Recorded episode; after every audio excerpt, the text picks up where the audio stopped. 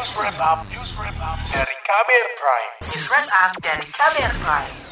Saudara, berbagai upaya dilakukan pemerintah untuk melawan penyebaran virus corona. Selain menggunakan vaksin, ikhtiar juga dilakukan dengan terapi plasma konvalesen. Apa itu plasma konvalesen dan sejauh mana terapi ini dilakukan di Indonesia? Berikut laporan khas KBR dibacakan Astri Yuwanasari. Donor ini sudah dipersiapkan beberapa hari yang lalu, di screen oleh dokter. Alhamdulillah kalau lulus berarti alhamdulillah sehat. Itu tadi Menko Perekonomian Erlangga Hartarto usai menjadi pendonor plasma konvalesen. Pekan ini pemerintah mencanangkan Gerakan Nasional Pendonor Plasma Konvalesen. Erlangga turut menjadi donor. Meski tak pernah mengumumkan secara resmi bahwa ia pernah mengidap COVID-19 dan sembuh, Erlangga meminta 700 ribu orang penyintas atau orang-orang yang selamat dari COVID-19 lain bisa mendonorkan darahnya untuk menolong pasien COVID-19 di Indonesia yang jumlahnya makin meningkat. Dan ini saya lakukan untuk mendorong uh, sesama yang membutuhkan. Kita punya yang sembuh itu sekitar 728 ribu dan tentunya ini sangat membutuhkan uh, donor plasma konvalesen dan dengan gerakan ini diharapkan lebih banyak lagi masyarakat yang akan mendor, mendonorkan plasma. Terapi plasma konvalesen sebenarnya adalah metode yang sudah cukup lama digunakan di dunia medis. Terapi ini dilakukan dengan memberikan plasma atau bagian darah yang mengandung antibodi dari orang yang sudah sembuh kepada pasien yang masih sakit.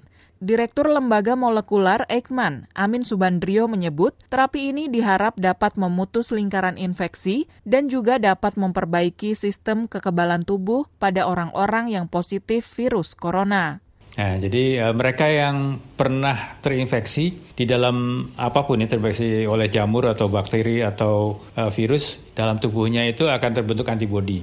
Nah, antibodi itu ketika sudah tidak sudah pasiennya sudah sembuh, berarti dia sudah bisa mengatasi uh, infeksinya. Itu bisa dipakai untuk membantu orang lain yang masih sedang sakit.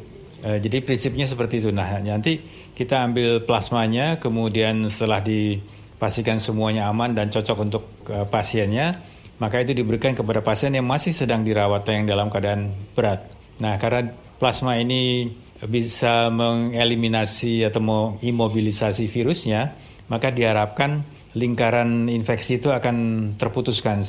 Sampai saat ini Palang Merah Indonesia PMI baru menerima sekitar 7.000 plasma konvalesen. Jumlah ini masih sangat kurang dibanding dengan kebutuhan di lapangan. Ketua Umum PMI Yusuf Kala mengajak para penyintas bisa sukarela menjadi donor plasma untuk membantu pasien yang masih dirawat. Jadi para pendonor jangan khawatir bahwa ini selalu diteliti oleh Ekman bahwa tingkat keberhasilan juga teliti terus-menerus. Jadi PMI secara resmi mengadakan MOU kerjasama dalam untuk meneliti hal ini.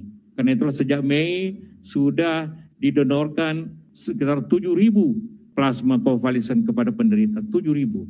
Berarti kurang lebih 40 per hari. Ini masih sangat kurang dibanding dengan kebutuhan. Tiap hari di seluruh Indonesia minta permintaan kurang lebih 200 yang kita bisa penuhi hanya 40 per hari atau 50 per hari. Karena itulah dibutuhkan suatu pendonor lima kali lipat, Pak. Baru kita bisa memenuhi kebutuhan masyarakat akan dan mengurangi tingkat kematian daripada penyakit ini. Kampanye gerakan donor plasma juga disampaikan Wakil Presiden Ma'ruf Amin. Ma'ruf mengatakan partisipasi dari penyintas sebagai pendonor plasma sangat dibutuhkan untuk memperbesar peluang sembuh bagi pasien COVID-19. Maka diperlukan strategi yang tepat untuk pelaksanaan donor plasma convalescent. Tersedianya dukungan sistem data yang terintegrasi antara rumah sakit dan PMI untuk mengetahui data penyintas COVID-19, potensi calon donor, dan penambahan peralatan mesin apresis untuk pengolahan darah di unit donor darah atau UDD yang menerima pelayanan donor plasma convalescent.